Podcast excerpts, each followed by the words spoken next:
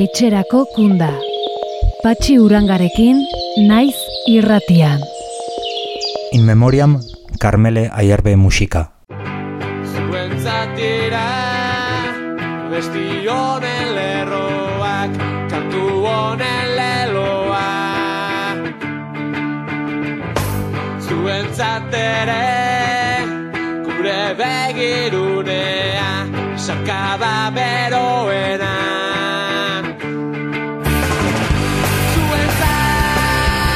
Kaixo denoi eta ongietorriak etxerako kunda saiora. jatzeko, aregin aurra gure mirespen guztia. Uin hauetatik, besarkada estu helarazi nahi diegu, berriro kartzelaratu ditu Jon Crespori eta Inigo Gutierrezi, eta duela egun batzutatik ospitaleratuta dagoen Mikel Otegiri. Azken hau tuberkulosiak jota dago eta gainera positibo eman zuen duela zenbait egun. Beraz, musu bana iruei eta gatibu zaudeten guztiei.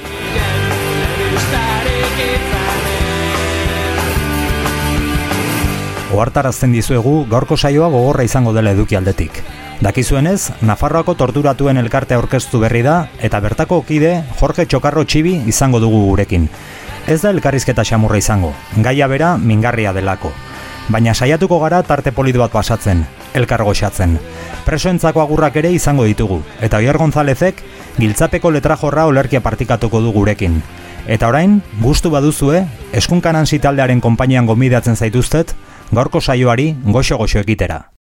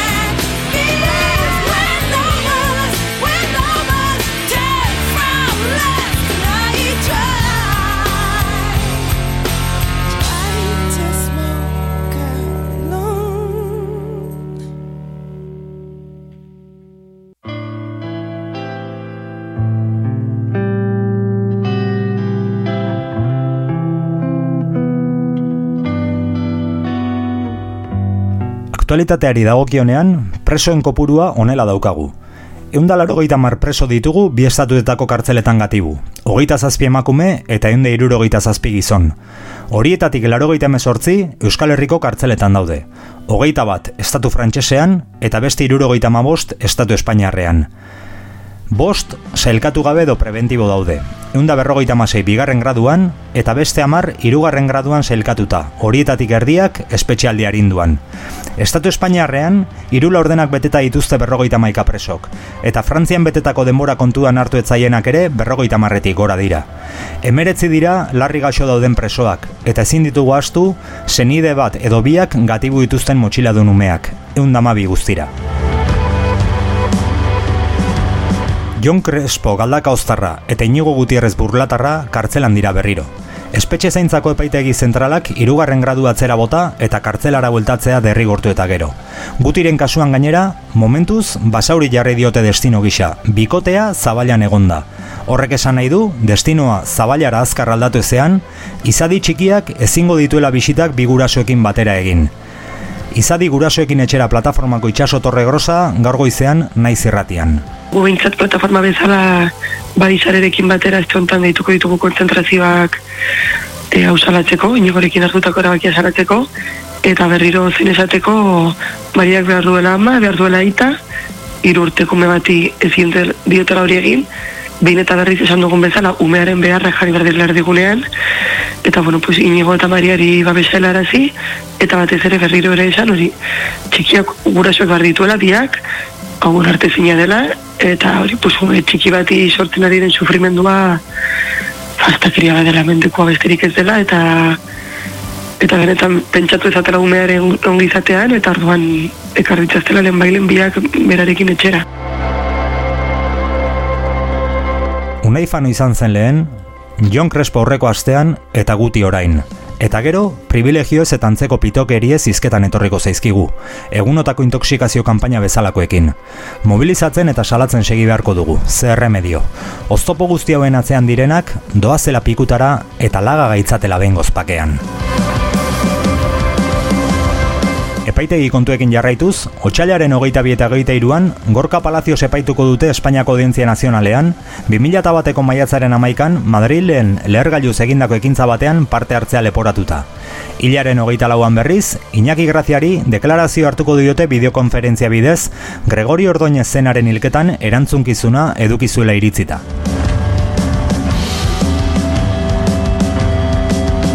Gorka Lupiainez presoari, sei eguneko irtera baimena onartu dio martuteneko tratamendu batzordea. Jon, Jakes eta Unai gurekin lelopean, bakegileek otxailaren emesortzean egingo dute presoen etxeratzearen alde hasiko duten fase berriaren lehenengo ekintza. Gogoratu behar da, larogeita marrekintzaile prest agertu direla ekintza azkar, ausart eta ikusgarrietarako. Informazio guztia egunean bertan zabalduko dute, eta era berean, dei egin dute euren sare sozialei adi egoteko. Tipularen sehaska kanta dokumentalak jarraitzen du bidea egiten, arrakastan diz gainera. Urrengo gunetako emanaldiak hauek izango dira. Otsailaren amaseian, bergarako seminarixoan sortziretan hasita. Otsailaren hogeian, etxarri aranatzeko kulturetxean zazpiretan hasita. Otsailaren hogeita batean, Donapaleuko San Luis gunean sortziteretan hasita, eta otsailaren hogeita bian, mauleko haule baitan, sortzitaretan hasita. Aurreko saioan aipatu genuen bezala, martxoaren bostean presoen sostengurako bertso afari izango da saran, Odei Barroso eta Metxar Zailus bertsolariekin. Sarrerak hogeita boste euro balia du, eta izena emateko telefono zenbaki hau eman dute antolatzaileek. 06, bost sortzi, bost bat, bederatzi lau, iru bederatzi. Oierroa donostiarra epaitua izan da baionan. Ezarri nahi dioten lurralde debekuaren desproportzioaren aurrean, babes zabala jaso du, hainbat alderdi eta eragile eta lizeoko lankideen aldetik. Etxerat elkarteak kinkearen promoziorako webgunea eguneratu du. Datorren martxoaren hogeita batean izango da lehenbiziko promoziorei dagokion zozketa. Informazio osoa kinkea.eu satarian aurkituko duzue. Eta aktualitatearen tarte amaitzeko, zorionak eta muxo handi bat, basaurin gatibu daukaten Juan Karsubijanari otxailaren hogeita bateko partez.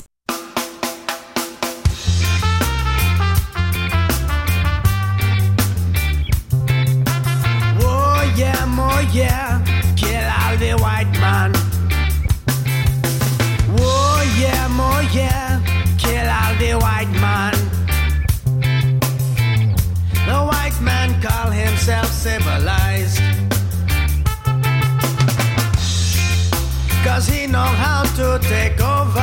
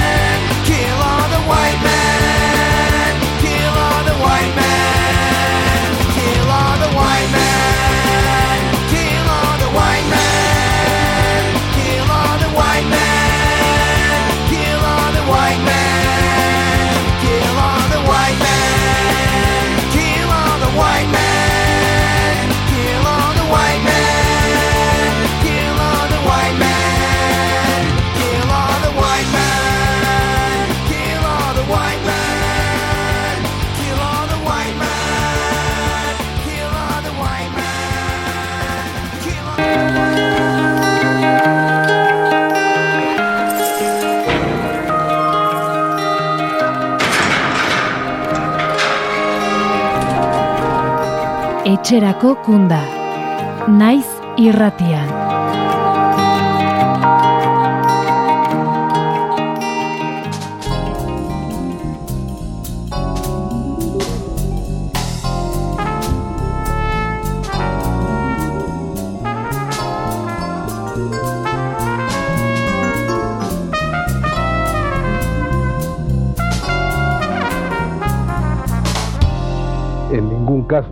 Ni lo toleré, ni lo consentí, y mucho menos lo organicé, obviamente. Yo soy un, yo soy un demócrata, yo soy un demócrata de toda la vida.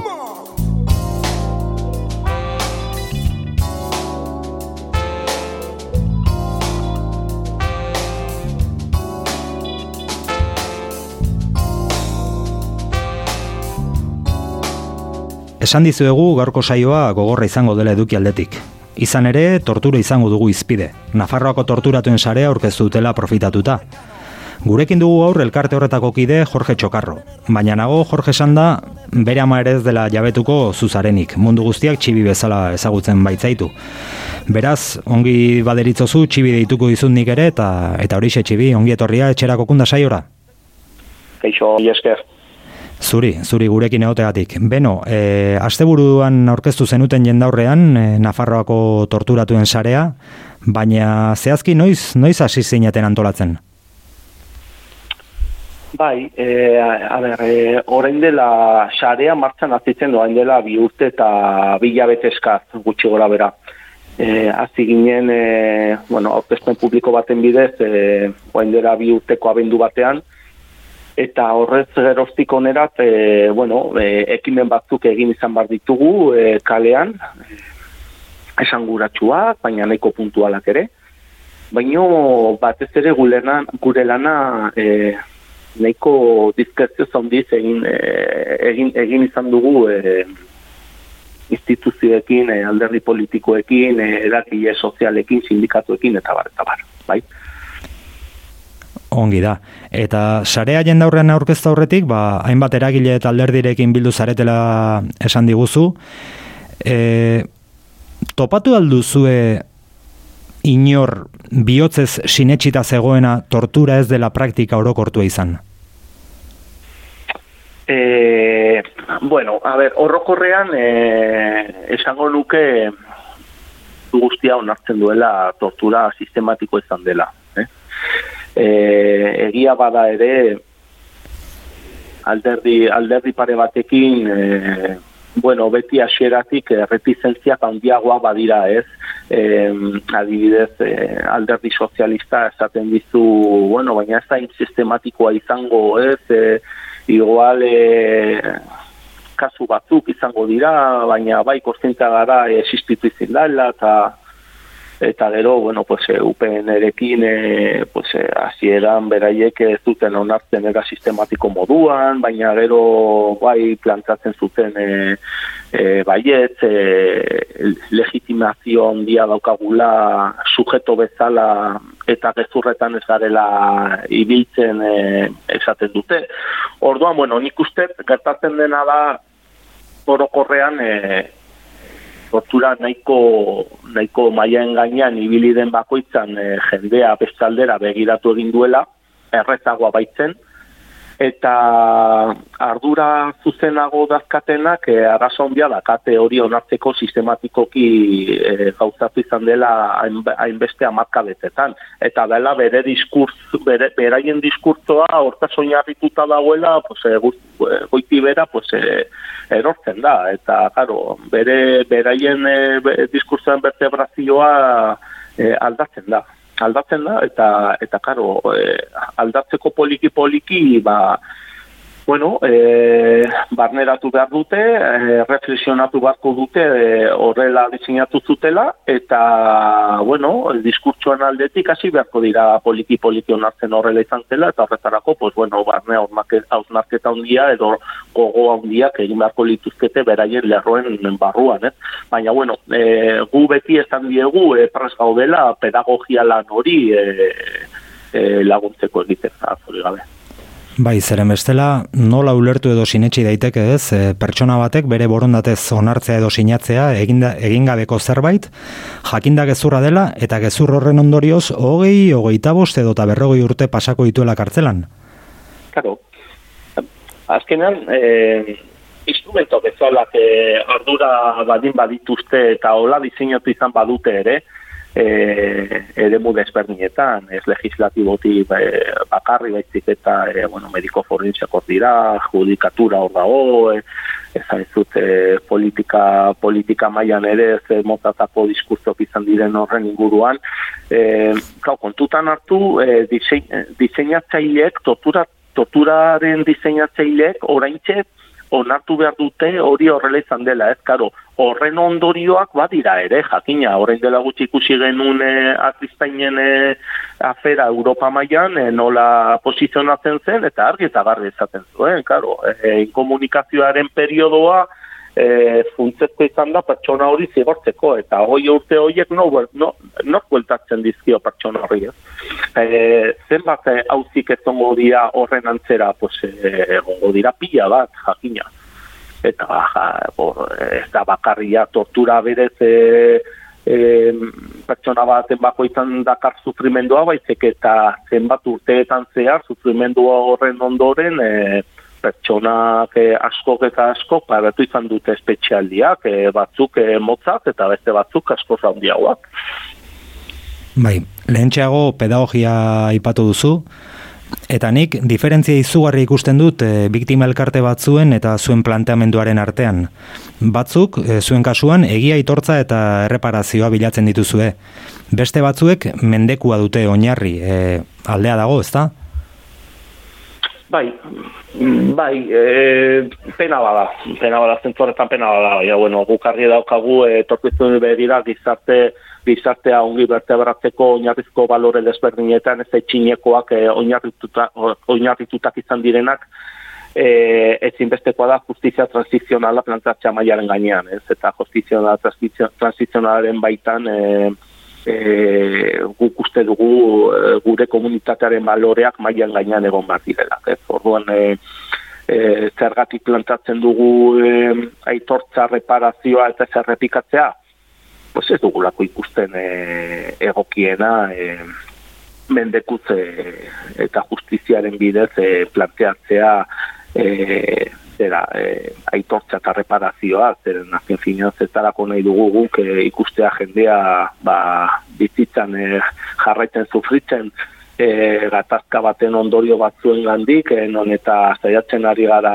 gainditzen, eta eta zertarako reproduzitu berriro etorkizunean, ama hogei urte pasa ostean, e, ze balioa dakan horrek e, gizartea bertebratzeko, gure seme alaba beste motatako gizarte e, mota ikusi nahi badin badu, e, hortaz e, ikasi barko dute beste batean, ez bakarri mendekuaren e, ikuspuntutik, orduan e, argita garbi e, gure planteamendua da horren bidera doa, horren bidera doa.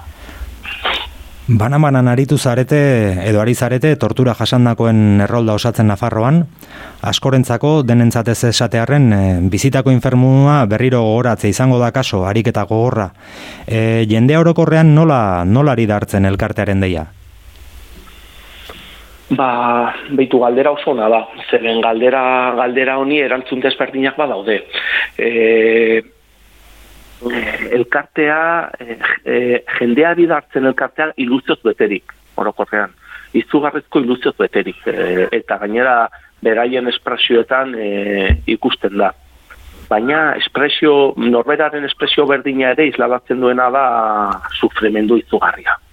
E, esango nuke e, orokorrean hitz egiten elkarteko lagunekin e, esaten dute jende helduaren gana jotzen gare jotzen dugunean e, e, gehienak da lemisiko aldiz hitz egiten dutela torturari buruz bere bizitzan. E, jaro, horrek ezan nahi du e, e, uf, urte askotan zehar e, bere familiaren baitan e, ez du ez da itxik e, ez dute ez da itxik bat esan. Claro, eta zergatik e, guri hasi lemisiko aldiz e, torturari buruz izketan bueno, e, bihar bada babesa ikusten dutelako asko garelako ikusten dutelako e, bertebratzen hasi garelako eta jakina e, zaintza elkartearen barruan e, posizio nahiko e, aurreratua edo oso garrantzitsua jotzen dugulako. Eta badakite torturatu guztiak adibidez zaintzaren arloan azkoari garela e, lantzen eta horren inguruan e, e, psikologo taldeen potente bat badagoela terapia behar izan ez gero e, egiteko eta lemisiko aldiz bere beraien testigantza nahi badin badute bota e, profesionale zingurutatuak egin aldutelako ez. Orduan e, e, formulario baten atzean ez dago bakarri torturaren sufrimenduaren drama baizik eta kriston terapia kasu askotan e, lagundu al izateko testigantza hori maian gainean jartzea zer.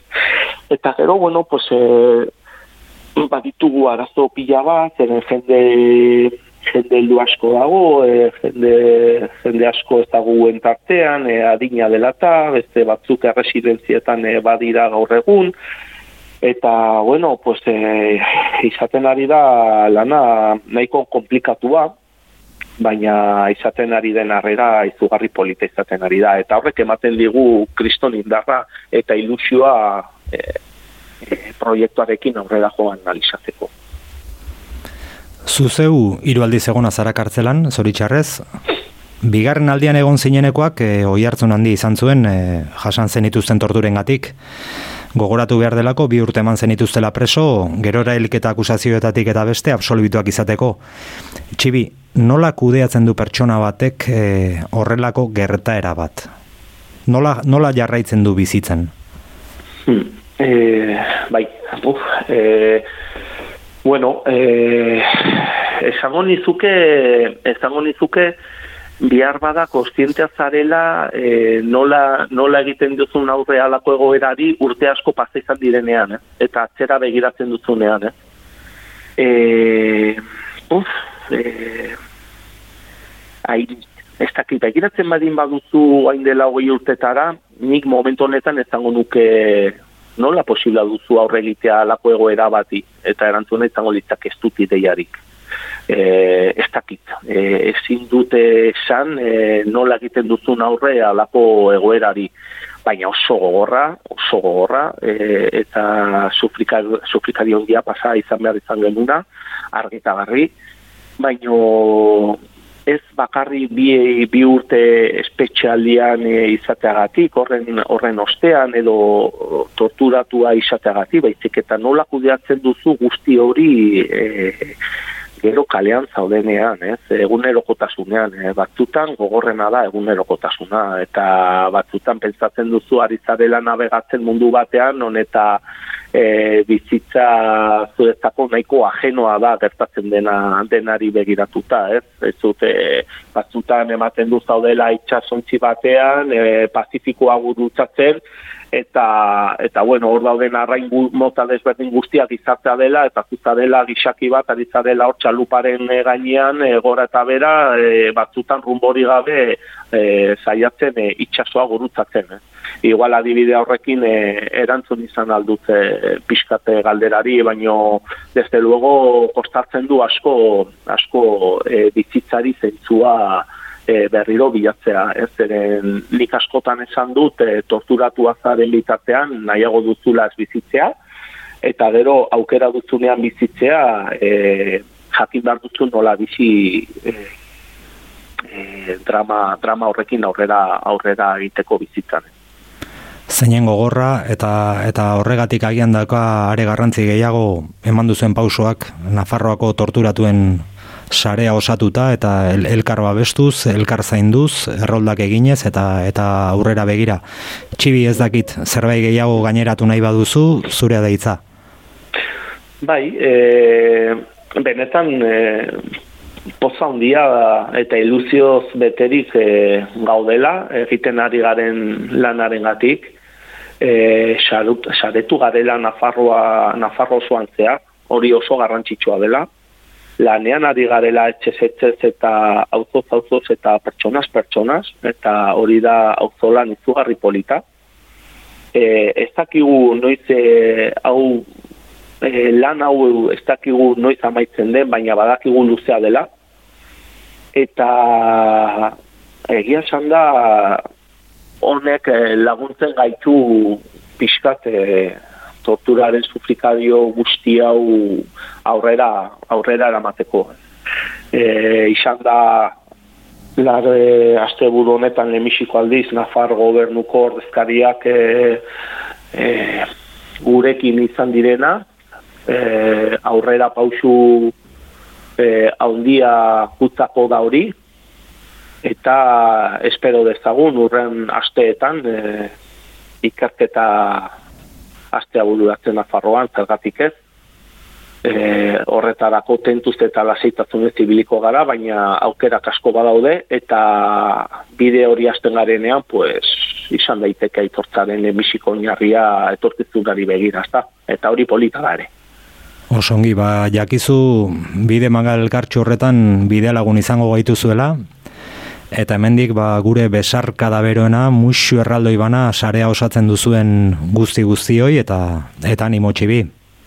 Bale, ba, eskerrik asko tartetxo hau ezkintzagatik, eta zuei ere e, mila esker eta, eta animo. Eskerrik asko zuei, e, jakin baitakigu ez dela bat ere xamurra horrelako elkarrizketak eskintzea. Beraz, mila eta milioika esker zuei eta ondo ondo izan, animo. Eski, bai, agur, agur. Aio.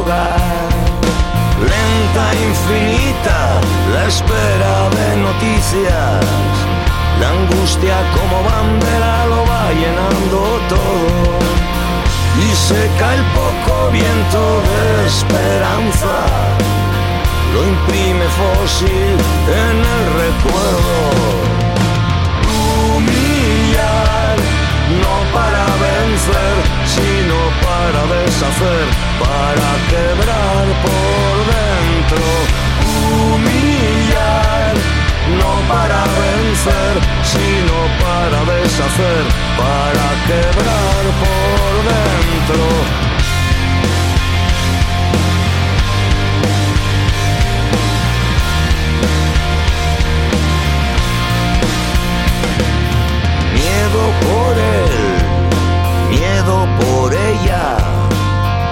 Absoluta soledad ante el impune martillo que con su balanceo asesino marca los tiempos de la zozobra. Los mismos lentos minutos se arrastran en el siniestro habitáculo de la crueldad humana, de la lúgubre sala de tortura.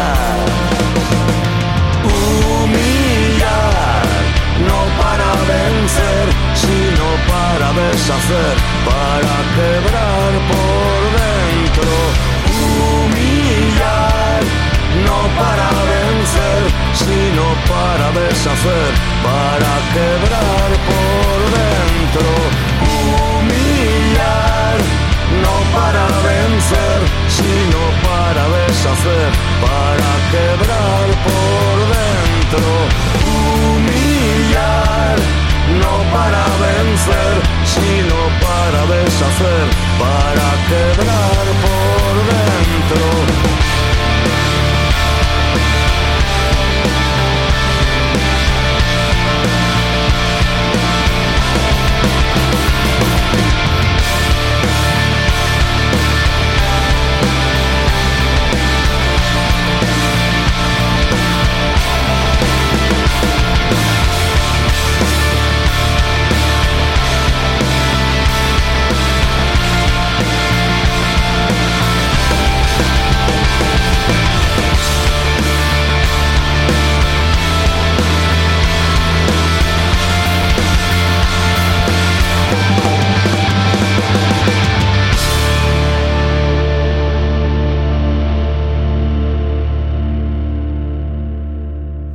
Etxerako gunde irratsaioak aukera ematen dizu presoei zorion eta gurmezuak audioan bidaltzeko. Grabatu audio bat euskaraz eta bidali whatsappez 6 lau sortzi, bi zazpi, bost, 0 bat zenbakira. Zehaztuz, nork bidalia eta norentzat den. Guk maitasun guztiarekin jarriko ditugu. Iruñan daukaten aurken solarentzat bidalitako bezala. Haupa kaixo gabon. Ba hori bidali nahi dut, e, besarkada eta musu erraldoi bat, e, entzuten hauten preso politiko guztientzat. Eta hori, bereziki, ba, aurkeni, aurken, opai, primo, hauen lastea. Ea laizter ikusten garen, a ber, aldatzen den gauza mierda ezta, eta ikusten garen, a ber, hauen la puta. Eta hori, ba, hori, animo, eta, eta zaindu pilo bat, eta hori, venga, eutxi gogor guztiok. Kaixo, Joseba Burgete naiz, eta audio honen bidez Euskal Preso Politiko Iruñeko espetxean petna betetzen duen aurken solaren txat, besarkada handi eta estu bat bidaltzea gustatuko litzateke. Hemen jarritzen dugu beti bezala, gure herriaren taupadak entzuten, gure bihotza leku berberan dugulako. Ez pensa zuta zaztu dani, mutil. Lankide hoia izanen duzu pararato. Ongi izan eta zaindu. Beti arte eutxi gogor. Josebaren burgete partez muso handi bat. Haupa aurken, zer moduz txapeldun? Bueno, besterik gabe, komentatzea jaso nuela zure eskutitza, bale? Eta, eta hori, eta hitz egin nuela donostiarrarekin, eta hor da birera, jotazu, jotazu lanean, como un desgraciado, a tope, bale? Baina, bueno, jodido pero contento, esaten den bezala. Así que nada, bueno, eutxi goiari, bale? Animo, txapeldun, Besarkada handia. Haupa kaixo gabon denoi, aurken, a ber, Euskara, ja, badakizu ni Euskal, eh, Euskal jau, baina, bueno, hori, ez, e, aprobetsatu es, saio honetan, eta hori, e, momentu honetan ez nago lanean, langabezia naiz, baina e, kobratuko, kobratu na, nago, eta orain, oposaketa prestatzera, eta hori, oie, besarkada guztioi, eta hori, aurrera, agur!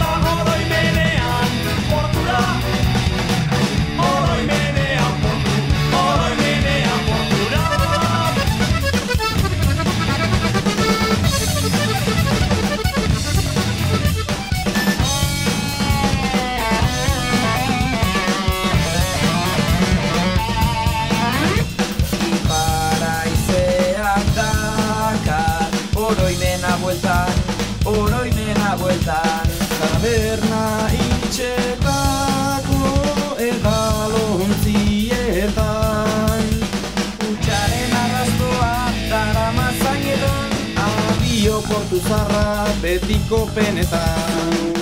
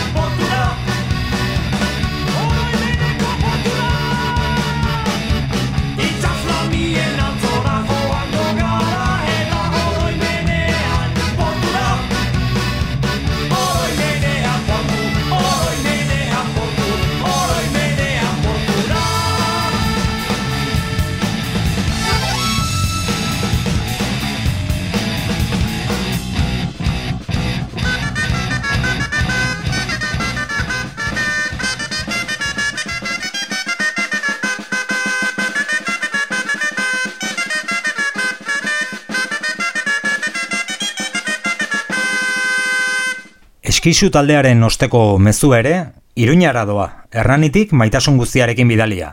Arruarte Santa Cruz, tiene usted un mensaje. Kaixo, mezu hau Iruñako kidei zuzendua. Animo bisitari gabeko aste hauetan. Oso bagari asko maite zaitugu besarka handi bat. Katxako peixarea toto, super totoak. Animo denei, muxo handi handi bat. Hau batzuek. Mikel, zuri indar pila-pila bat hernanitik.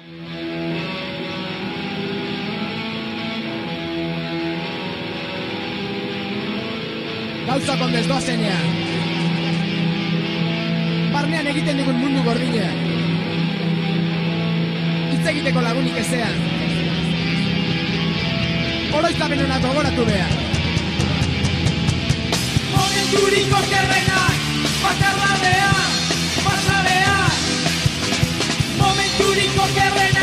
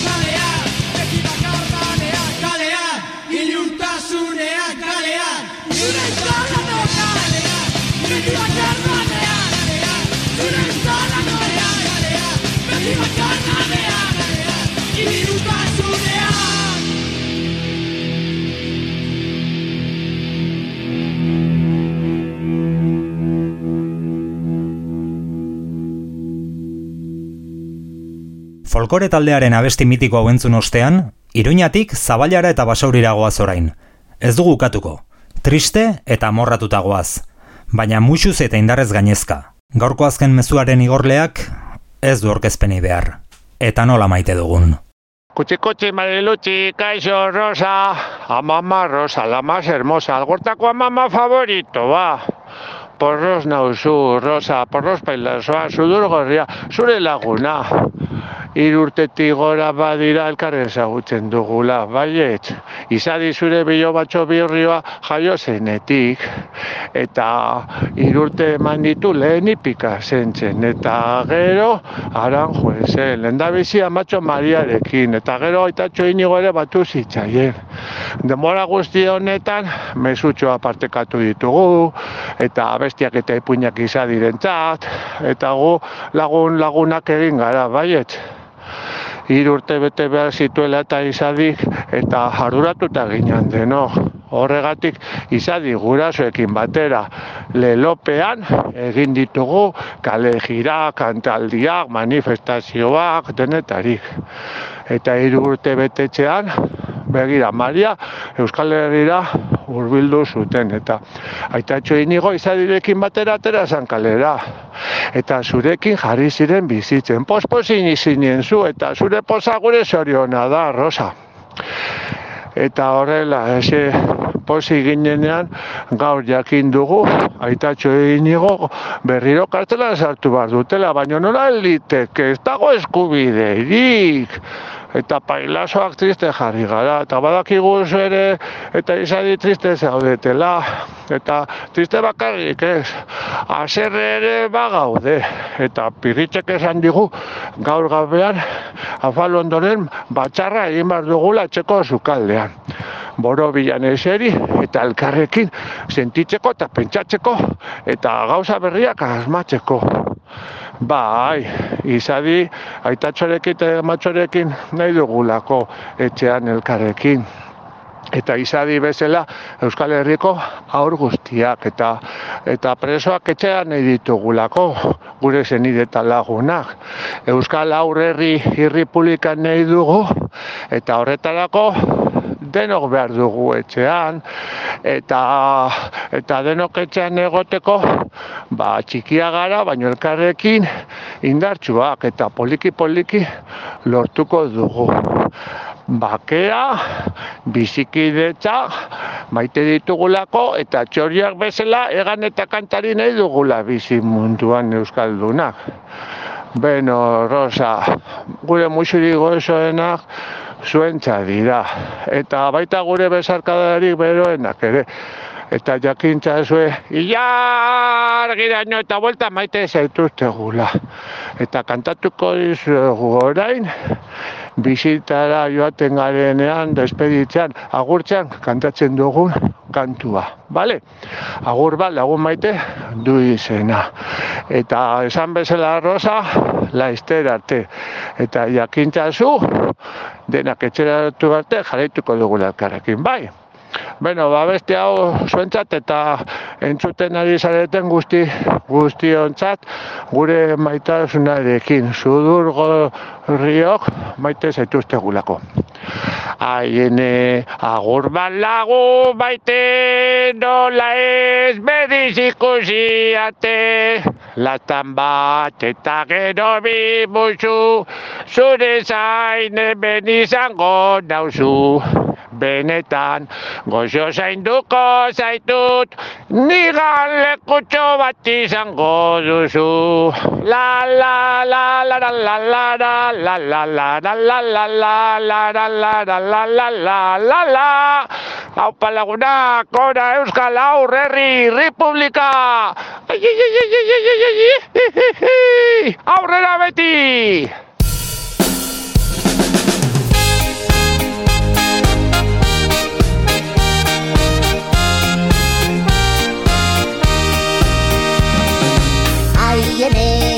agur bat lagun maite Nola ez berriz ikusi arte. Lastan bat eta gero bi musu Zure zain hemen izango nauzu. Benetan goxo zainduko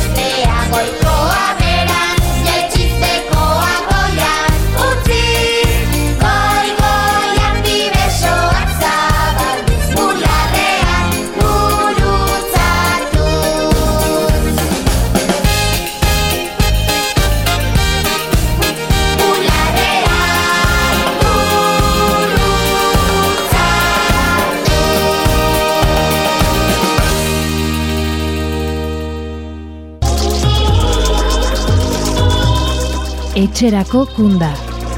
Naiz irratian.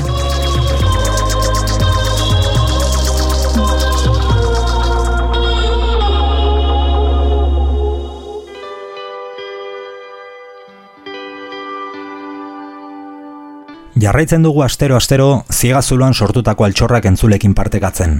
Asko eta asko direlako kartzelan idatzitako, olerki, ipuin eta bertsoak, margotutako irudi eta kuadroak. Gaurkoan, zuekin, Oier González, giltzapeko letrajorra gordina errezitatzen. Giltzapeko letrajorra. Ziklifeko ospitalean eman dituen sei asteak, inoiz izango zenik ere uste ez nuen leku hartan, zoramenaren izugarrikeriaren ikasgai lapurtu bat izan ziren. Han igarit igarotako lehen unetatik jakin nuen ezingo nintzela itzuli nire usuko bizitzara. Ezingo nuela ahaztu ikusitakoa. Beste erekin batzuetan bakartutako jendeek ez zuten izenik, ez iraganik, ez etorkizunik. Giltzapetutako oraina besterik. Orain lur beti erekoa. Hortze mugarik gadea. Janet Patterson Frame idazle Zeelanda berritarraren hitzok espetxeratu berritan nik neuk sentitua oso ondo islatzen dute. Baina zer da izugarrikeri hau?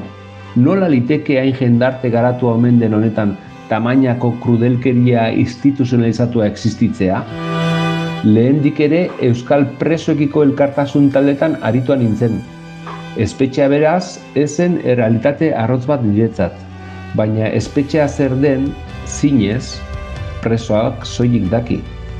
Kanpoan dagoenak empatia sentitu dezake, eta simpatiaz jokatu. Presoen hurbilekoek espetxearen ondorioak sufritzen dituzte, eta hala ere, giltzapetuaren pairamena oso esperientzia intimoa da. Hain zuzen, norbere intimitatea baita bertan urratzen dena. Lehen kontaktua are izugarria iruditu zitzaidan. Lionen espetxeatu bait ninduten. Hau da, Lion hiriaren erdi-erdian zegoen espetxean.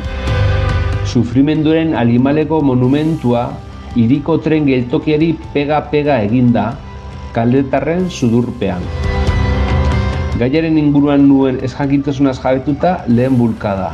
Hau, min guzti hau kontatu beharra dago. Hain justu edozein sorkuntza lan zer edo zer kontatzeko behar batean oinarritzen dela esan liteke. Zerbait adirazteko behar gorria. Erraitan dugun zera kanporatu ezean, ezin egona lehenik eta itolarria gero sentitzera inokoa. Lionen argi sumatu nuen estreinakoz, espetxea inguratzen duten murruek, barrutik kanporako baino, kanpotik barrurako norabidean betetzen dutela beren funtzioa. Murruok iesaldiak ekiditeko baino, barruko izugarrikeria eskutatzeko eraikiak direla. Horrela beraz, espetxe barrutik egiten den oihu bakoitza, idatzia barne, murruan arrakala bihur liteke eta berau ez da askok pentsa lezaketen maneran bertatik ies egiteko, baina kanpokoari barrukua erakusteko. Espetxearen inguruko amaika liburu idazki edo sormen lan aurki litezke. Azaltzen diren esperientziak bata bestean oihartzunak dira. Elkarren artean mendebeteko aldi izan arren, irudi bertsuak azaltzen dira sarritan. Ausentzia, espazio txikiaren estutasuna, bakardadea, baina arestian esan bezala, espetxeak oso maila intimoan urratzen du giltzapean daukana. Eta hala, luma hartzen duen presoak aldiro zera pentsa dezake. Espetxeaz beste batzuek idatzi dute, baina ez nik. Janet Patterson aipatu dut hasieran eta itzuli gaitezen arengana. Bera ez zuten espetxeratu, ospitalean ingresatu baizik. Berrogeita hamarreko hamarkada aldera izaeraren desorekak elektroshock kolpeka osatu zitezkela uste zen. Janet Pattersonen amak alaba lobotomia bidez zentzatzea espero zuen. Baina buru ebakuntzaren zein zegoela, Janetek izkutuari idatzitako lagun liburuak Zelanda berriko literatur sari nagusia Haber Church Memorial Prize irabazi eta buru garbiketatik libratu zen. Idatzitako hitz bakoitzak eriotza mentaletik urrundu zuen. ebakuntzaren eta amaren erabakiaren aurka erlojupeko lasterketan burugarbiketatik libratzeko bide bakarra, idaztea. Nago, gu ere esotegaren janeten antzera eriontza mentaletik libratzeko idazten ari. Don Bildurren aurkako erlojupeko lasterketan. Geure buruak izuaren katedraleko estoretan amildo horretik letrak juntatzen. Erdu eta tori zuretzat, gorde itzazu galtzetan.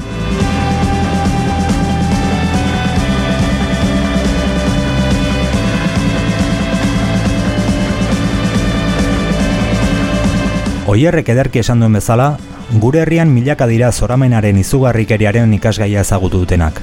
Haientzako guztientzako, joarra izpurua teknikaria eta bion besarka dago xoena. Entzule, plazera izan da. Datorren astean, okerrik ezean, hemen izango gaituzue, etxerako kundan. Beti, azken kunde izango den itxaropenaz. Etxera ekarriko dituen kundan. Bitartean, ondo izan, eutxikastari eta aurrera beti. Aio...